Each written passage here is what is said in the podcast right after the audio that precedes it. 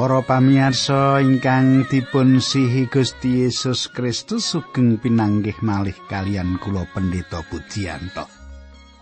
Wonten ing pepanggihan menika kula badhe sesarengan kalian panjenengan wonten ing salebetipun adicara margi utami. Inggih menika tumrap panjenengan ingkang nembe kemawon mirengaken adicara menika adicara margi utami menika nderekaken panjenengan ningali kayektosan-kayektosan ingkang dipun pratelakaken kitab suci. Lan ugi nderekaken panjenengan nyemak saben kayektosan-kayektosan ingkang kapratelaken kala wau. Lan panjenengan pirsa bilih kita menika badhe sinau urutan samenika sampun dumugi kalih Korinta wolu ayatipun wiwit. Wolu ngantos mangke kita badhe sinau pasal songo ayat gangsa Makaten sugeng midhangetaken adicara menika.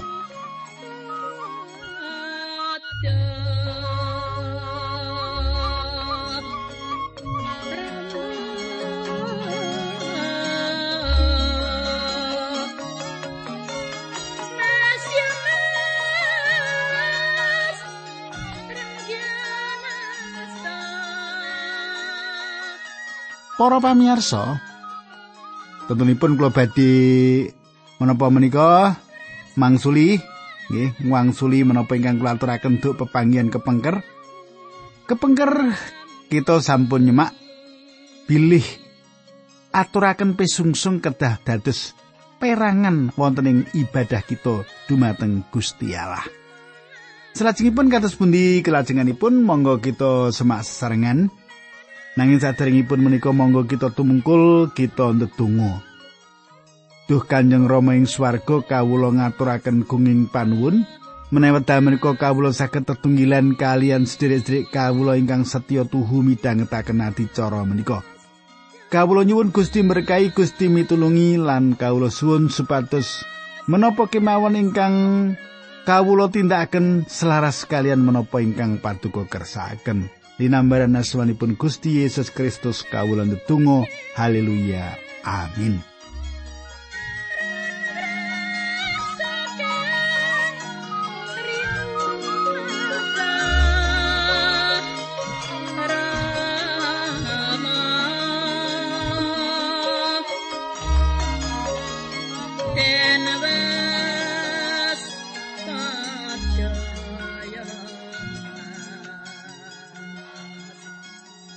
Pamirsa samenika lumebet kalih Korinta pasal 8 ayat 8 mangke urutan.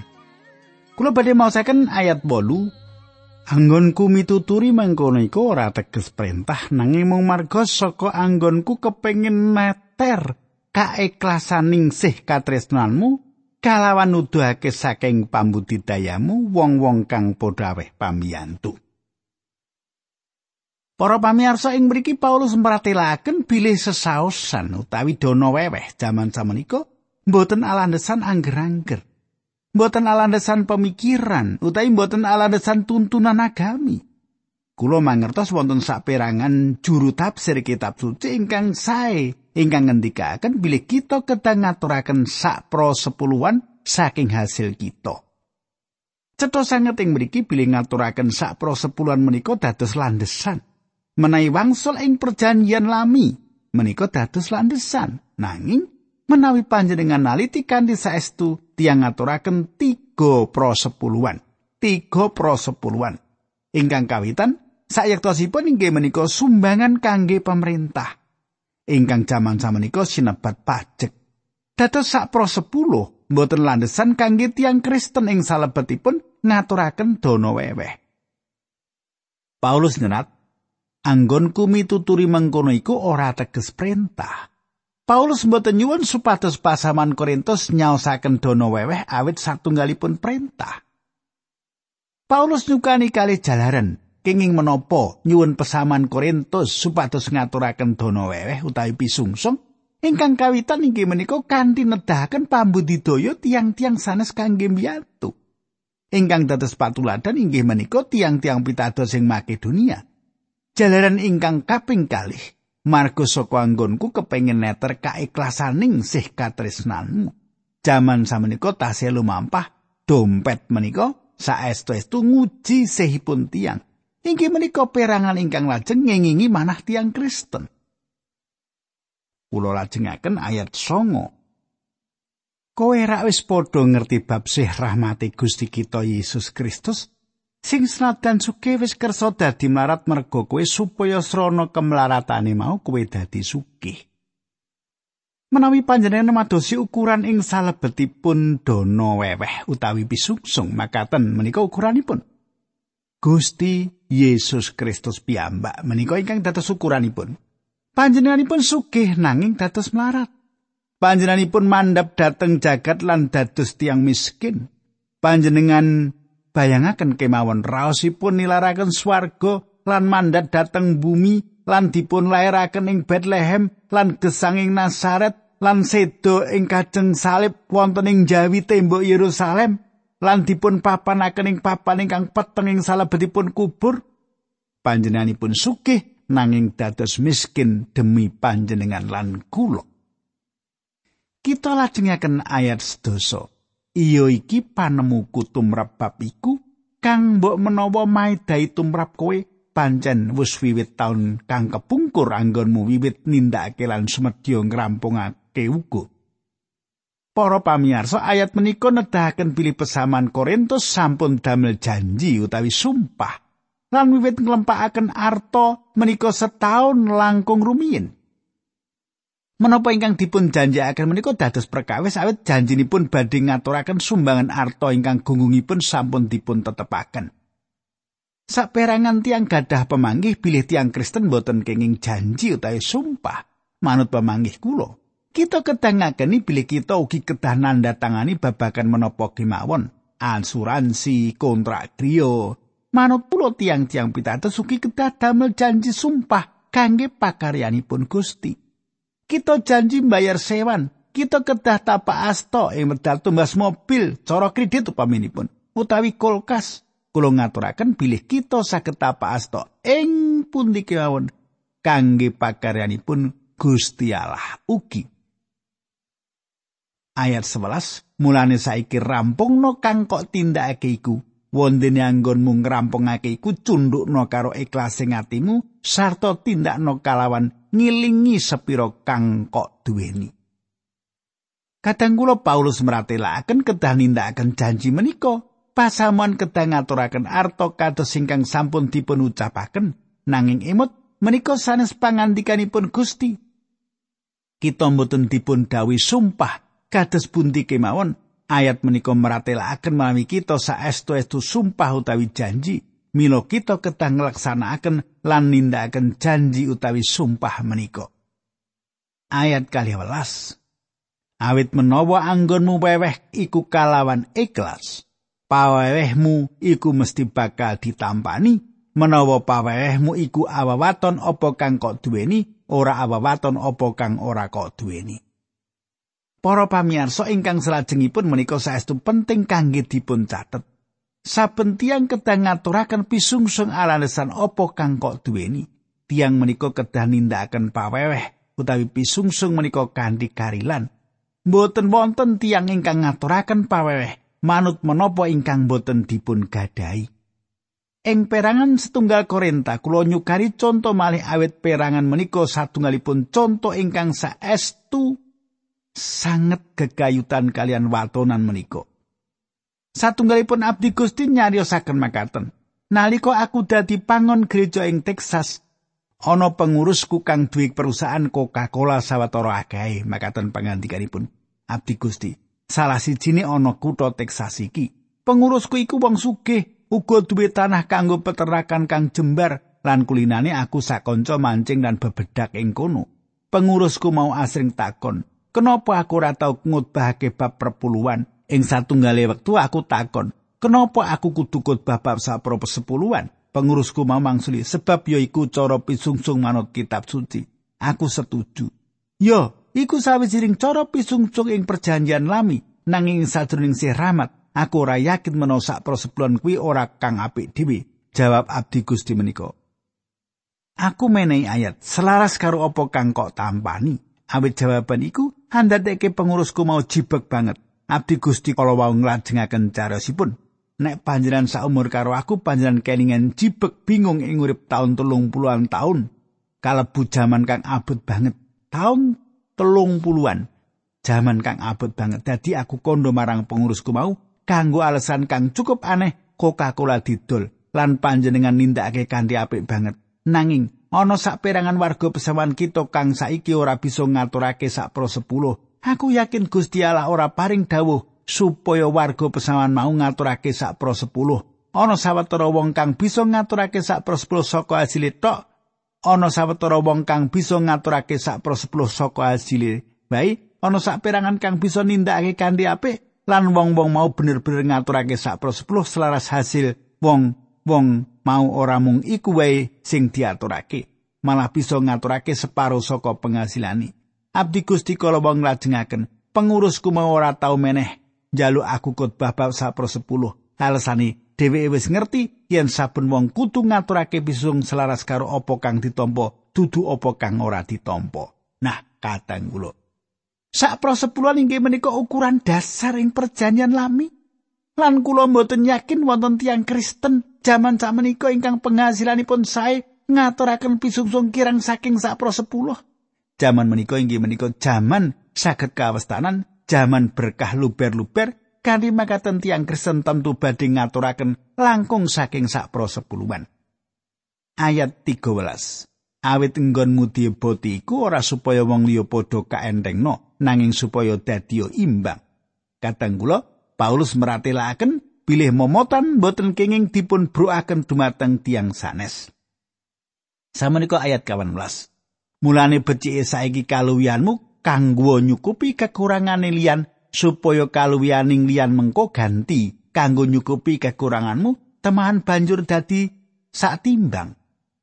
Para pamirsa saged ugi panjenengan dipun berkahi gadah mobil ingkang sae, griya sae, alat-alat rumah tangga sae, lan panjenengan gadah prabot ingkang dipun betahaken ing budaya jaman samenika. Kula saged kringkes pilih Gusti Allah kagungan pengajeng-ajeng panjenengan saged dum kineduman salebetipun pakaryanipun Gusti. Panjenengan saged kados rencang pengusaha peternakan kalawa ingkang purun ngerampungaken urusan sak prosepuluhanipun.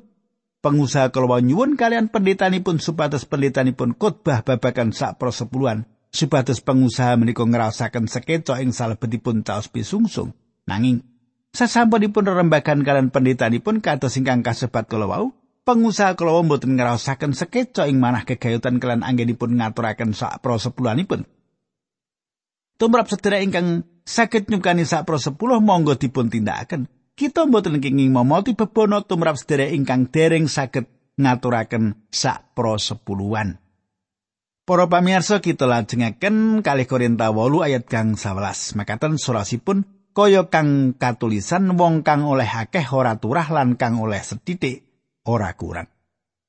Para pamirsa Paulus nyukani conto ing wedal bangsa Israel nglempakaken mana ing ora samun. Saben tiyang kedang nglempakaken mana kangge gesang satunggal dinten. Wonten sawetawis tiang jaler ingkang beto keranjang lan canjang. Kita kebaki wae keranjang iki. Aku bakal nglumpukake mana pirang-pirang keranjang sak bisaku. Tiang kelowo kandi rakus nglempakaken mana langkung kathah tinimbang ingkang dipun betahaken. Menapa ingkang dumados? Sasampunipun piyambakipun nedha selaras kalian kabetahan sedinten tirahan ingkang boten dipun tedha dados bosok ing injangipun sampun dados rancangan Gusti pilih Gusti Allah menika badhe paring cekap lan boten ngantos luber-luber.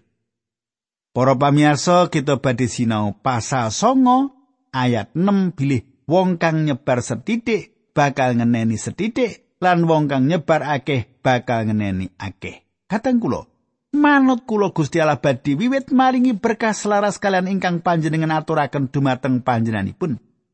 Kula gagas Gusti Allah kagungan catetan.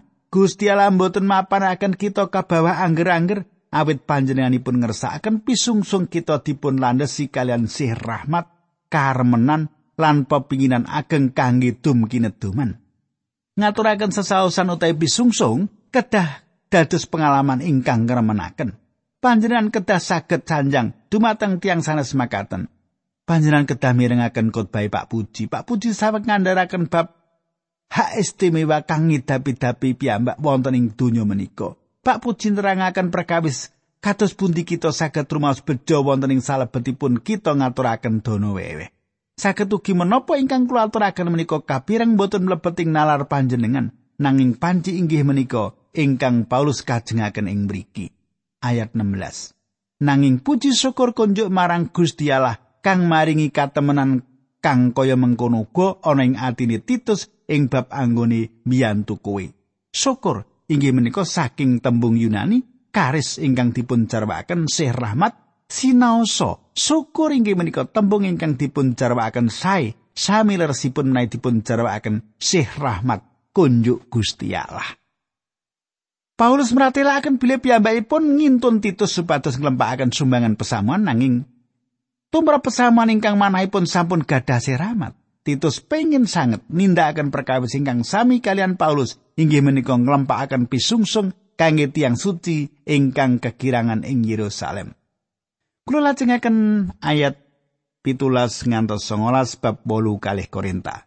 Dene nganti nuruti penjalukku malah saka bangeting tumemene anggonku tumindak ing gawe banjur metu saka karepe dhewe mangkat nemoni kuwi. Laku nindak kanteni sedulur kita kang wis oleh pangalembanane pesamuan kabeh bab anggone ngelarake Injil. Lan ora mung iku wae, sedulur mau uga wis kapiji dening pesaman-pesaman kanggo ngancani anggonku padha nindakake ayan sih katresnan iki kang ndak tindake minangka kaluhuraning Gusti lan minangka cihnaning legawane atiku. Para pamirsa Titus sesarengan kalian rencangipun gadah sih rahmat ing salebetipun manahipun pisungsung menika katujuaken kangge kaluhuranipun Gusti Allah. Menapa kemawon ingkang dipun aturaken kadang kula menika kedah dipun tindakaken kunjuk kamulyanipun Gusti Allah. Ayat kalih dosa, sebab aku kabeh padha arep nyingkiri bab iki yen ana wong kang nacat anggonku nindakake ayan sih katresnan kang woe akeh banget iku. Paulus meratelaken kita kudu jujur anggon kita nggunakake duit kang aku kabeh kumpulake saka kowe lan ing sakjroning nggunakake duit iku. Ayat selikur, awit aku padha merlokake kang utama ora mung ana ing ngarsane Gusti wae nanging uga ana ing ngarepe wong. Inggih menika perangan ingkang langkung gampil manahipun tiang kasinggol ing salebetipun pakaryanipun Gusti. Kata lembaga Kristen lan gereja-gereja ingkang langkung ngutamekake promosi ingkang ngidapi-dapi ing salebetipun nyurung tiang-tiang supados ngaturaken pisungsung kangge pendamelan mligi. mboten wonten pambudidaya utawi pasipun sekedhik pambudidaya ingkang dipun tindakaken kangge ngrepotaken pinten arta ingkang dipun ginakaken nglaporaken maksud kula kedahipun wonten laporan ingkang kinantiran bukti nyata bilih arta menika dipun ginakaken kangge martosaken pangandikanipun Gusti lan wonten hasil-hasil ingkang kabukti kaitosanipun mboten namung ngedabrus utawi omong kosong kedah wonten kapercayan saking organisasi ingkang kita sukani bantuan. Menapa ingkang kula aturaken menika perkawis kejujuran lan dipun ginakaken kanthi patrap saged dipun pitados sanget. Kita mboten perlu mbiyantu lembaga ingkang kita sejatosipun mangu-mangu dumateng lembaga menika. Kita kedah imut bilih ingkang kula aturaken menika jagat ingkang ageng lan awon lan kathah tiang-tiang ingkang dados juru perskasukman ing donya menika kita perlu waspada.